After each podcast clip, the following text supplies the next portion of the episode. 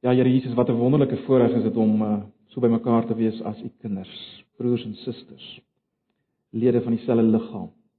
Om juis ook in hierdie dag uh, u groot te maak en u te aanbid. As ons ook in hierdie tyd dink aan u menswording vir ons.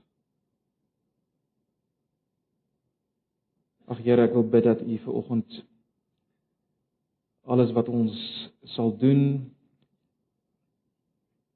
wat ons gaan sing, die manier hoe ons gaan luister en uiteindelik die manier hoe ons gaan leef. Ag Here dat U ons daartoe sal beweeg dat U al die lof sal ontvang wat ons vir U wil bring deur dit wat vanoggend gebeur en deur dit wat gaan gebeur as ons hier uitstap. Saam. Ag Here, ons eh, verlange is nou dat U met ons sal praat en ons opnuut sal opgewonde maak oor Jesus. Ag Here, ons sit hier elkeen met ons eie verhale, ons eie agtergrond. U weet wat is die dinge in hierdie oomblik wat ons opgewonde maak en dikwels is dit alles behalwe U. En daarom wil ons vra dat U vanoggend dit sal verander opnuut. Deur die werking van U Gees, ten spyte van wie ek is en wie ons is vanoggend. Asseblief gebruik U woord verheerlik U self in Jesus se naam. Amen.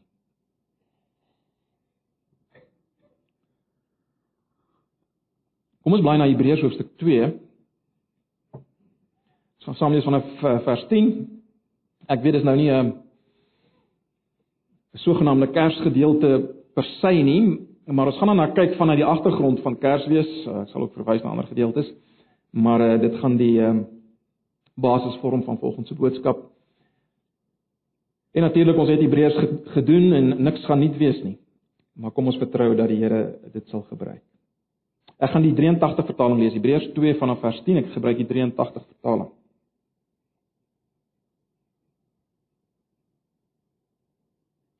Hebreërs 2 vanaf vers 10. God, ter wille van wie alles bestaan en deur wie alles ontstaan het, wou baie deel laat kry aan sy heerlikheid. En daarom was dit reg dat hy hulle leidsman tot die verlossing deur lyding heen tot volmaaktheid sou bring. Uh nou net 'n opmerking oor die vertaling as jy die 53 vertaling het, sal jy sien word die woord bewerker van verlossing gebruik. Uh die NIV gebruik die woord pioneer en ek dink dis die dis die dis die heel regte gedagte. Leidsman of die pionier en ons gaan daaroor praat tot ons verlossing. Dit is baie belangrik om om net daarop te let. Vers 12 Ag ek sê vers 11, hy wat heilig maak, sowel as die mense wat geheilig word, is almal uit een Vader. Om hierdie rede is Jesus nie skaam om hulle sy broers te noem nie. Om hierdie rede is Jesus nie skaam om hulle sy broers te noem nie. Hy sê tog ek sal u naam aan my broers bekend maak in die samekoms van die gemeente sal ek u lof besing. Ook sê hy vers 13 ek sal altyd op hom vertrou en verder hier is ek met die kinders wat God my gegee het. Aangesien hierdie kinders mense van vlees en bloed is, het hy ook net soos hulle mens geword. Dit het hy gedoen om deur sy dood die een wat mag het oor die dood, dit is die duiwel, te vernietig en om hulle wat uit vrees vir die dood hulle hele lewe lank in slawerny was, te bevry. Dit is duidelik dat dit vir hom nie om die engele gaan nie, maar om die nageslag van Abraham. Daarom moes hy in elke opsig aan sy broers gelyk word sodat hy 'n barmhartige en getroue hoëpriester voor God kon wees om die sondes van die volk te versoen. Omdat hy self versoek is en gelei het, kan hy die help wat versoek word. Dit is net tot sover. Nou, môre is dit Kersfees. Ek wil gesê ons hou nou maar vir eh, vandag ons ons Kersdiens. Uh maar dis eintlik môre Kersfees sekerlik sien uh, uh vir al die kinders uh, maar dalk ook van die van die groot mense uit na na ou Kersaand waar dit dikwels uh, by sommige gesinne persente uitgedeel word of dalk word dit môre gedoen. Ons sien uit na 'n lekker tyd om net saam te wees met ons familie, vriende. Kersfees, ons het al baie vir mekaar gesê, is 'n tyd van uh of 'n tyd waarop waarin ons konsentreer op op liefde en vrede en en uh vreugde. Ek dink die laaste ding waaroor ons wil praat en wil dink op Kers op Kersdag of in Kerstyd is die dood, nie waar nie?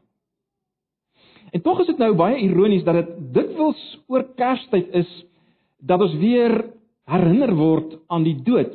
Uh heel waarskynlik uh, een van die groot redes omdat daar uh, baie mense op paaie gaan in hierdie tyd. Die kans vir ongelukke is baie meer en dis wat presies wat gebeur.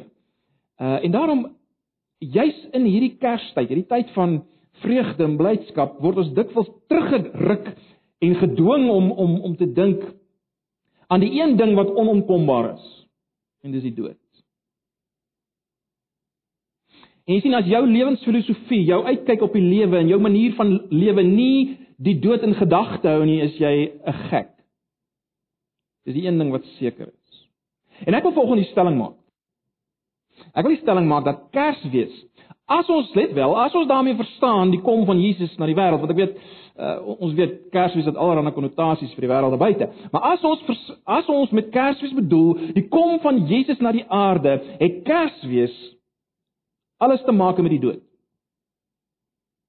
Dis die stelling wat ek wil maak. Kersfees het alles te maak met die dood en juist daarom alles te maak met lewe, uh lewe met 'n hoofletter as ek dit so kan stel.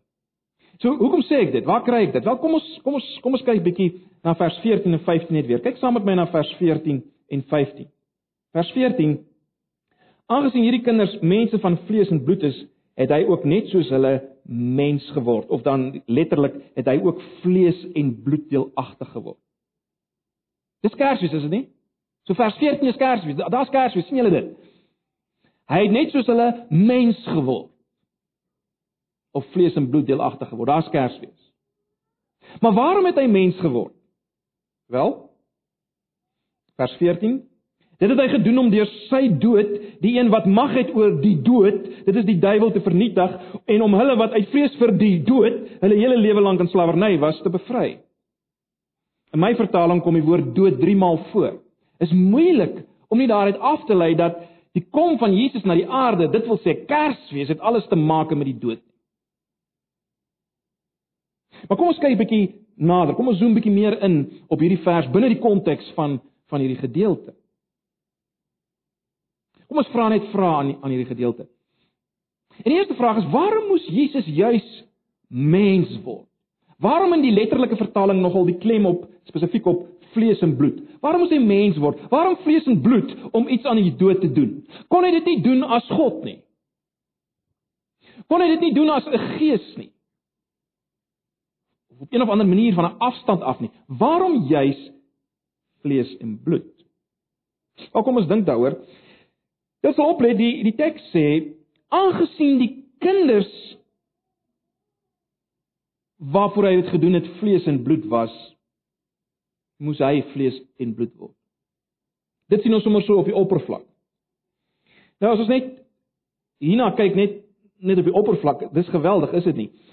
Dit sê vir ons dat in die, in, in, in die eerste plek sê dit vir ons dat die mense vir wie Jesus mens geword het is die kinders van God. Dit word ook baie duidelik uit vers 11 en vers 13. Ehm uh, as hy sê dat ehm uh, hy wat heilig maak sowel as die mens wat geheilig word is almal uit een Vader. En ook in vers 13 ook sê ek sal altyd op hom vertrou en verder hier is ek met die kinders wat God my gegee het. So Kersdag, die kom van Jesus na die aarde het iets te doen met wat God gedoen het vir sy kinders. Kyk net na vers 1 ook.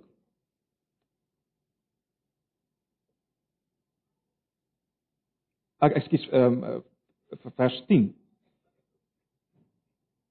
Wat sê dat God mense wou laat deel in sy heerlikheid en in die konteks is baie duidelik dis hierdie kinders wat hy wou laat deel in sy heerlikheid. Dis geweldig, is dit nie? Dit sê vir ons iets geweldig van God. Hy wil sy mense laat deel in heerlikheid. Mens dink onmiddellik aan die aan die uh, engele sang, né? Eer aan God in die hoogste hemel en vrede op aarde en die mense in wie God 'n welbehae het. Hy wou dit doen. Hy wil hy wil hulle bring na heerlikheid, na waar hy is, na wat hy beleef, na wat hy het.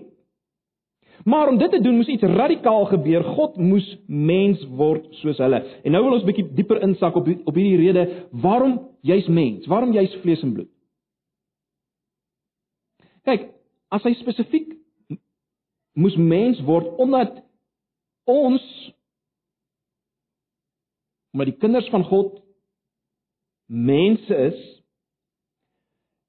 en as die doel waarvoor hy mens geword het was om iets aan die dood te dien te doen uh, deur sy dood. Dit was die doel het ons gesien om iets aan die dood te doen deur sy dood vir hierdie mense wat vlees en bloed is. As dit so is, dan is die rede sal julle met my saamstem, dan is die rede waarom hy juis mens moes word, vlees en bloed moes word, net vir een rede. Hy moes 'n liggaam hê om te kon sterf. Dis die enigste rede. Dis die logiesste, is dit nie? Hy moes 'n liggaam hê om te kon sterf, omdat ons met liggame moet sterf en jy kan net sterf as jy liggaam het, anders gestel. Ons sal nou nou kyk na die rede waarom ons moet sterf en moes sterf. Maar dit is belangrik hier om net dit te sien. Sonder 'n liggaam, sonder vlees en bloed kan jy nie sterf nie. En daarom is Jesus mens word. En so belangrik, broers en susters, hy, hy hy moes nie mens word om presente te gee of net vir ons 'n voorbeeld te los van hoe ons moet leef in liefde vir mekaar nie. Dis nie waarvoor hy gekom het nie. As jy weer kyk na prentjies van van 'n babatjie in 'n krib met 'n pragtige oulike ou lyfie, dink daaraan, daai lyfie is vir een ding bedoel en dit is om wreedaardig te sterf. Dis waarvoor hy gekom het. Maar nou baie belangrik. Wat is hierdie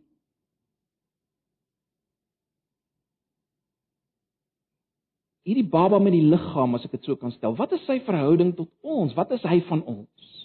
Volgens hierdie gedeelte is dit insiggewend, is dit nie? Hy word ons broer genoem, het julle dit gesien? Ek wonder of ons dit regtig vat en raak sien. Hy word ons broer genoem. Die baba wat in die krib gelê het, is ons broer. En dan as jy nou weer prentjies sien van 'n kerskaartjie met 'n babatjie, dink daaraan, dis die ouens se poging om 'n prentjie te teken van ons broer. Baba in die krib is ons broer. sien julle dit in vers 11? In vers 11 maak die skrywer dit baie duidelik dat Jesus ons broer is, ons want ons het dieselfde Vader. Sien julle dit in vers 11? Hy wat heilig maak sowel as die mense wat geheilig word, is almal uit een Vader. Om hierdie rede is Jesus nie skaam om hulle sy broers te noem nie. Dis vers 11. En dan in vers 12 haal die skrywer die term broer uit Psalm 22 vers 22 aan. As jy die 53 vertaling gaan kyk. En hy maak dit ook van toepassing op Jesus. Nou is baie belangrik, in die antieke kulture het die beeld van broederskap gedui op op geweldige intimiteit van verhouding. En dis waaroor dit hier gaan.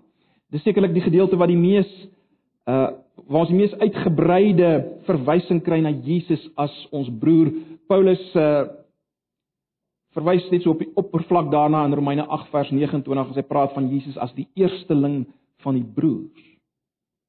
Maar dit is 'n geweldige bemoediging, is dit nie? Ek hoop dit is 'n bemoediging vir ons in hierdie Kerstyd. Is 'n is wonderlik om te weet dat Jesus is ons ouer broer en hy's nie 'n ouer broer wat ons verag omdat ons nie alles reg kry wat hy reg kry nie. En omdat hy suksesvol is terwyl ons alles opmors nie. Hy's die soort ouer broer wat wat sonder enige verkleinering en enige afkyk na ons toe kom en ons ontmoet waar ons is uit absolute liefde en goedheid om ons te red uit die gemors waarin ons sit. Dis die broer wat ons het in Jesus. Kyk ook net aan vers 12. Ek sal die naam van my broers bekend maak in die samekoms van die gemeente sal ek u lof besing. Weer haal die skrywer aan uit Psalm 22. En en die en en, en die rede daarvoor is is om klem te lê op die posisie wat Jesus ingeneem het vir ons. Hy is nou in ons midde as broer. En broers en susters, hy is ook nou ver oggend in ons midde as broer, as jou broer, as jy 'n kind van die Here is vanoggend, is hy hier as jou broer deur die deur die Gees. In vers 13 Haal die skrywer aan uit Jesaja 8 vers 17b en 18. En en en hy doen dit weer eens om hierdie familieverhouding tussen Jesus en ons en God te bevestig, te onderstreep. As hy as hy aanhaal ek sal altyd op hom vertrou en verder hier is ek met die kinders wat God my gegee het. Maar goed, die belangrike ding wat ons vanoggend moet vat is dit, broers en susters, die die baba in die krib, die baba van van Kersfees is ons broer. Hy ken ons, hy verstaan ons. Hy kom langs ons in. Kyk net na vers 17. As jy die vraag vra vanoggend maar Verstaan hy my regtig? Weet hy waarmee ek worstel? Ek as jong mens, ek as kind, ek as ou man, weet weet Jesus. Wel, kyk na vers 17. Vers 17 sê hy het in elke opsig soos ons geword. sien julle dit? Hy het in elke opsig. Hy moes in elke opsig aan sy broers gelyk word, sê vers 17. Net sonder sonde natuurlik. Met ander woorde, Jesus, die Jesus van Kersfees ken al jou fases Al die fases waardeur jy gaan as mens, hy het ook daardeur gegaan. Hy was 'n klein seentjie. Hy, hy was eerstens 'n baba wat sy wat wat homself vuil gemaak het. Hy was 'n klein seentjie wat aan die modder gespeel het. Hy was 'n tiener met al die fases van ontwikkeling van die liggaam. Hy het al die fases gegaan. Hy ken al jou fases. Hy ken al jou vrese. Die vrese van kleuters en tieners en middeljariges en oues Hy ken al die versoekings in elke opsig. Daar's niks wat ek en jy in die gesig kan staar in die jaar wat kom waarmee Jesus nie kan simpatiseer nie. Hy kan ons help en baie belangrik, hy kan ons begelei na die nuwe wêreld. Dis baie belangrik. Maar die groot ding wat hierdie gedeelte wys is dat hierdie ouer broer van ons het uiteindelik gekom om te sterf Dis waarna ons nou net verwys het nadat hy gelei het.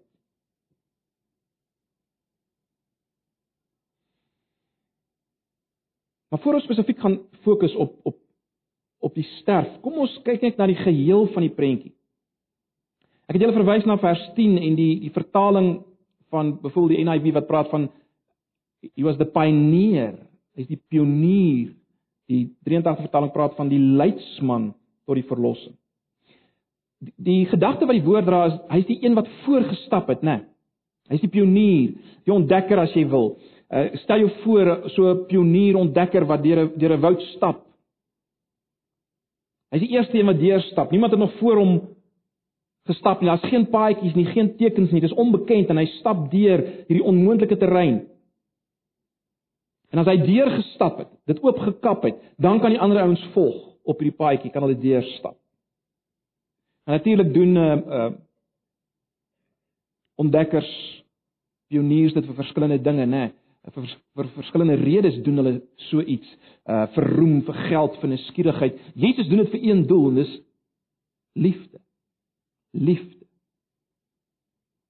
Om ons te bring by heerlikheid.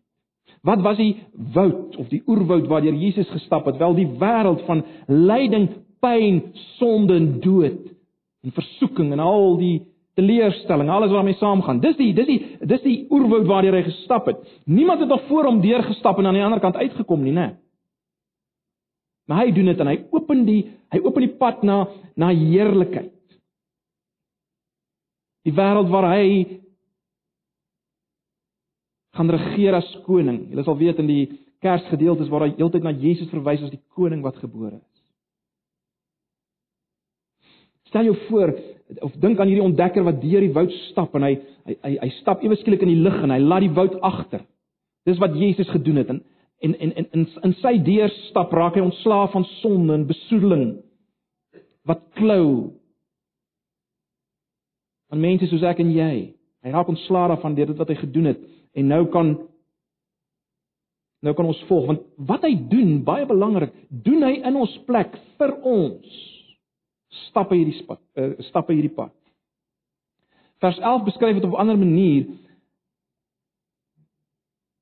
Hy gebruik gebruik die woord om heilig te maak. Hy het dit gedoen om ons heilig te maak. Hy het voorgestap om ons heilig te maak. Nou die woord heilig hier beteken geheel te maak, te voltooi, volle lewe te gee. Dis heiligheid. Heiligheid is dit waarvoor ons bedoel is, né? Nee, heelheid, volheid.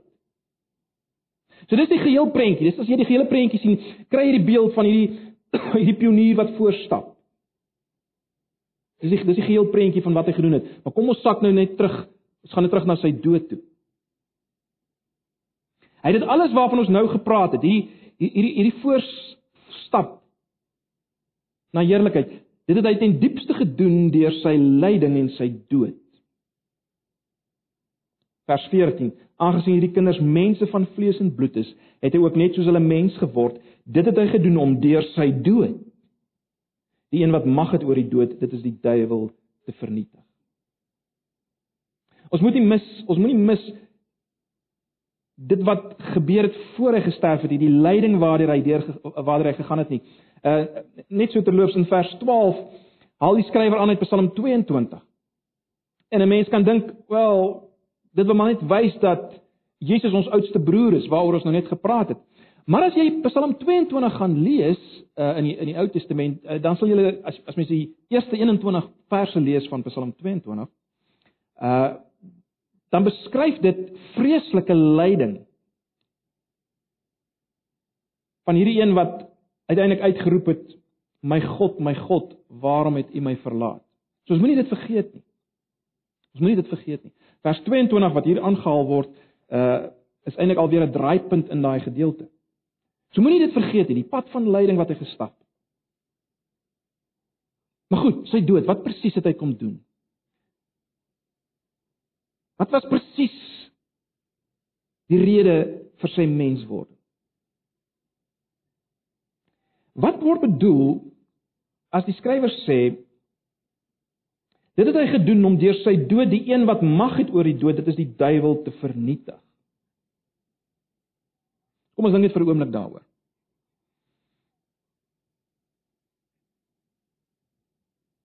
Kom ons dink oor die rede waarom ons moet sterf. Want dit hou verband met die een wat mag het oor die dood. Waarom het die Satan mag oor die dood? Wat word hiermee wat wat word daarmee bedoel? En wat word bedoel daarmee as hy sê hy het hom vernietig? Probeer so daaraan dink. Broers en susters, die, die na die duiwel word verwys in die Nuwe Testament as die aanklaer van die broeders. Hy hy kla mense aan. Dis eintlik letterlik wat sy naam beteken. Nou ek en jy, soos ons gebore word, staan skuldig voor God. Ons weet dit, ons het al baie daaroor gepraat. Ons staan skuldig aan die sonde van Adam, of ons dit wil weet of nie. En ons voeg nog elke dag daarby by, as ons God nie liefhet met ons hele hart en ons siel en nie ons naaste soos onsself nie, voeg ons daarby by. Ons is nie wat God wil hê ons moet wees nie. Ons staan eintlik skuldig aan hoogverraad. Ons verdien die dood deur wat ons is en wat ons byvoeg elke dag as ek lewe vir myself en vir my eie eie genot en my my eie roem en eer en nie vir God se eer nie. Voeg ek by. Ek voeg by by wyse van spreuke op die klag staat teen my. Nou. Wat doen die duiwel? Hy kom as te ware voor God met hierdie klag staat. En hy sê kyk. Dis Piet. Hy staan skuldig. U moet hom doodmaak. Hy moet sterf. Jy sien die Satan kan dit doen. Hy kan dit as te ware as jy wil regverdiglik doen want ons staan skuldig daaraan. En, en in daardie sin het hy mag oor die dood. Hy kan sê jy moet sterf en dan moet jy sterf. Hy kan sê jy moet sterf en dan moet jy sterf. En nou die ongelooflike ding wat hierdie teks sê is dit Jesus het deur sy dood die een wat mag het oor die dood tot nul gemaak. Blaai gou na Kolossense 2 vers 14 en 15. Kolossense 2 vers 14 en 15.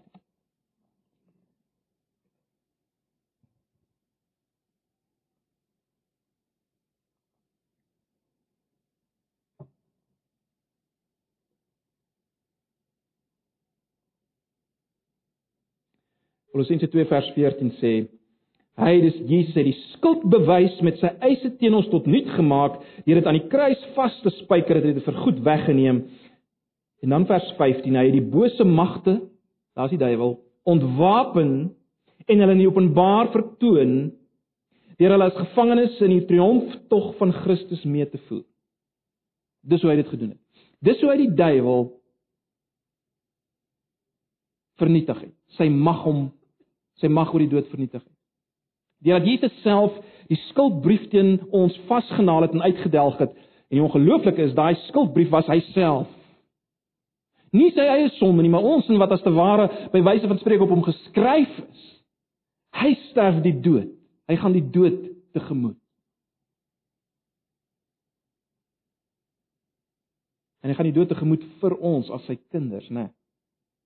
En hy staan op as 'n nuwe mens en as ek 'n kind van God is, het ons gesien in Romeine 6 staan ons saam met hom op in hierdie nuwe lewe. En nou kan die Satan ons nie meer aankla nie. Want as hy wil, hy wil sê kyk daar. Kyk wat hy of sy gedoen. Hy kan nie want op jou klagstaat is daar niks meer nie. Daar's net die die lewe van Jesus, die baba van Kersfees wat God volkome liefhet en sy naaste soos homself.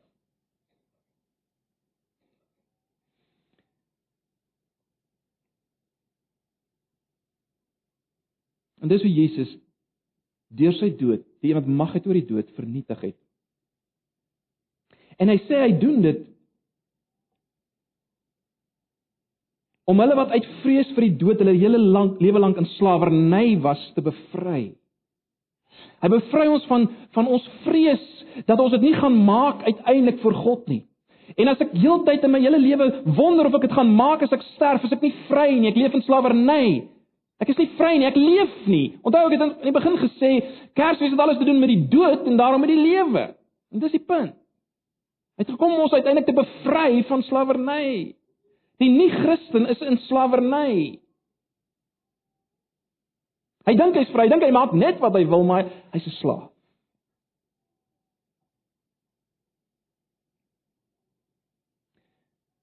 Die belangrike ding vir oggend, dis wat Jesus kom doen. Die Jesus van die krib het dit kom doen.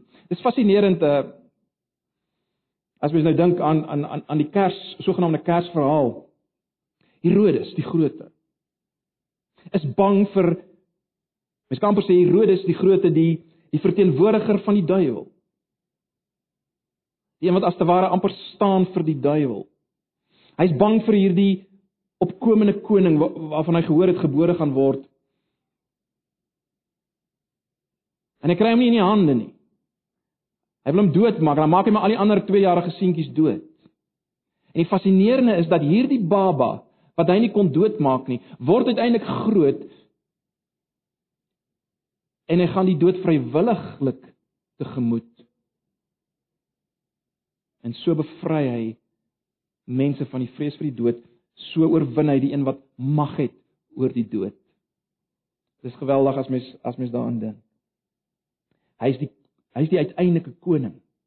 Herodes was 'n koning wat fascinerend uh wat ook as te ware vrede beloof het deur allerlei gewelddadige maniere. Maar Jesus is die is die ware koning wat deur sy dood dit bewerk. En Herodes kon niks aan hom doen nie. Net 'n laaste gedagte. Ons nou reeds gesê dat Jesus is ook nou in ons midde as ons broer.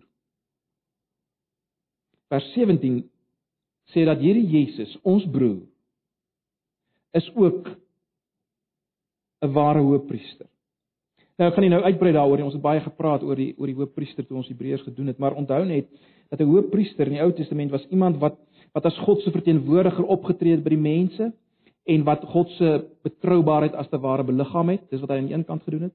Maar aan die ander kant moes die hoëpriester iemand wees wat kon simpatiseer met die wat hy bedien. En die punt van hierdie gedeelte is dit: die Jesus van Kersfees, ons broer, is meer as enige hoëpriester. Hy's nie die broer op 'n afstand nie. Hy het soos ons mens geword, vlees en bloed, en hy het vir ons die dood deurgegaan sodat ons lewe met 'n hoofletter kan kry.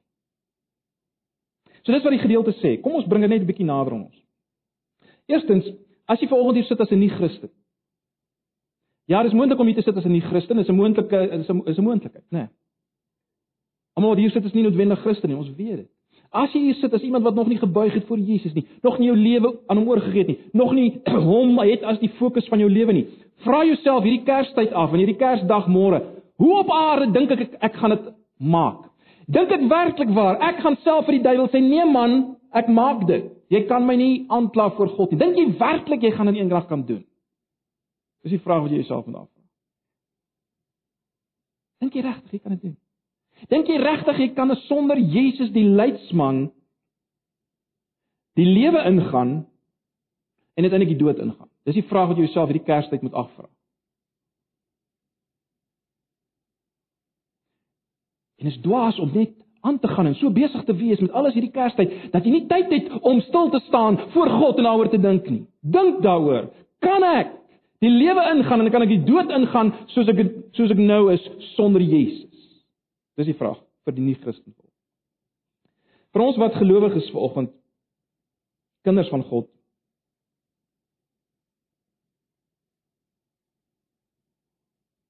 Hierdie gedeelte het natuurlik iets te sê vir jou vrees vir die lewe, né? En ek praat myself ook vanoggend.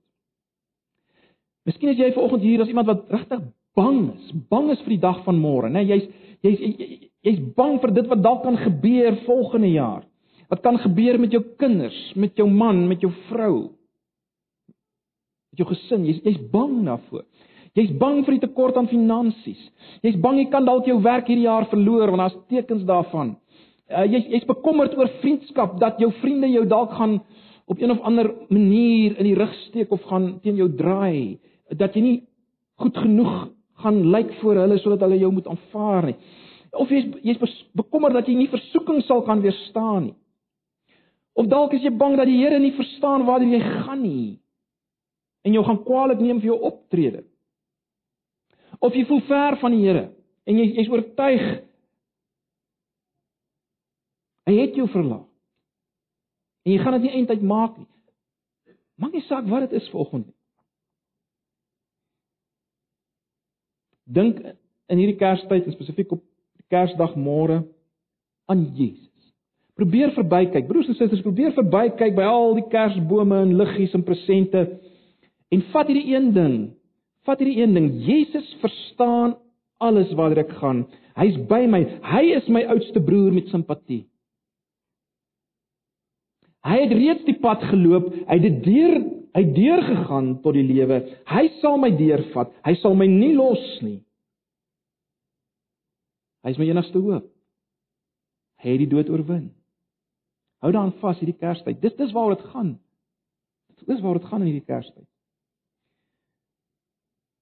Jy is dalk bang vir die dood. Ons is of bang vir die lewe of ons bang vir die dood. En ek dink ons almal vrees die dood op een of ander manier. Jy's bang jy gaan beheer verloor, jy's bang vir die skeiding van geliefdes, jy's bang vir die plek van onbekendheid. Maar kom ons erken dit vanoggend. Baie van ons is bang om voor God te gaan staan. Want ons is tog maar bang ons maak dit nie. Is dit nie so nie? Ons is tog maar bang ons maak dit op 'n of ander manier nie. Wel, die, die punt van hierdie gedeelte broers en susters is dat Jesus, die Jesus van Kersfees, bevry ons van hierdie vrese. Dink dink net weer aan. Ons kan met hom praat, hy's ons broer. Jy kan met hom praat. En hierdie broer van jou het deur gegaan. Hy hy hy's iemand weet waar dit gaan.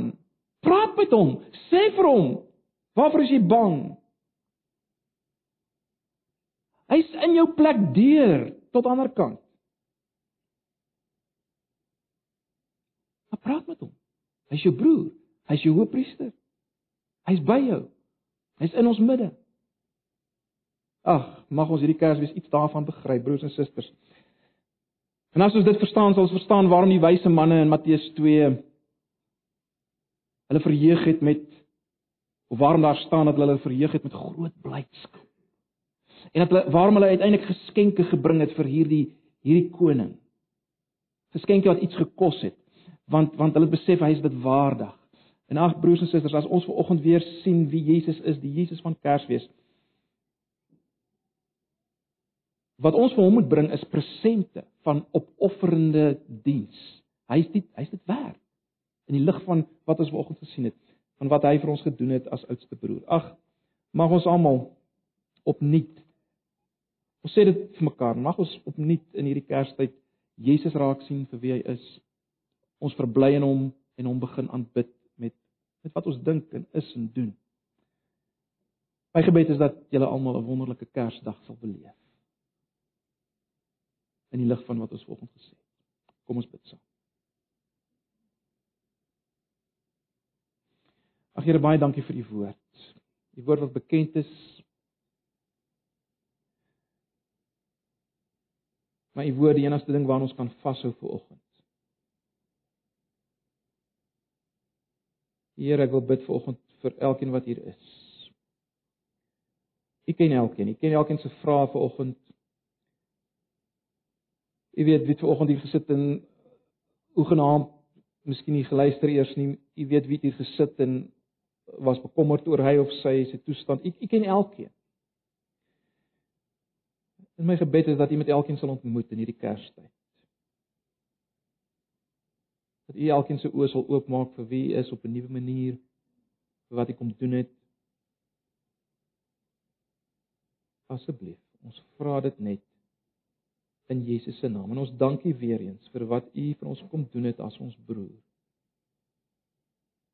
Die liefde vir ons liefde wat U steeds vir ons het, ten spyte van alles wat U van ons weet. Ons dankie daarvoor in hierdie oggend.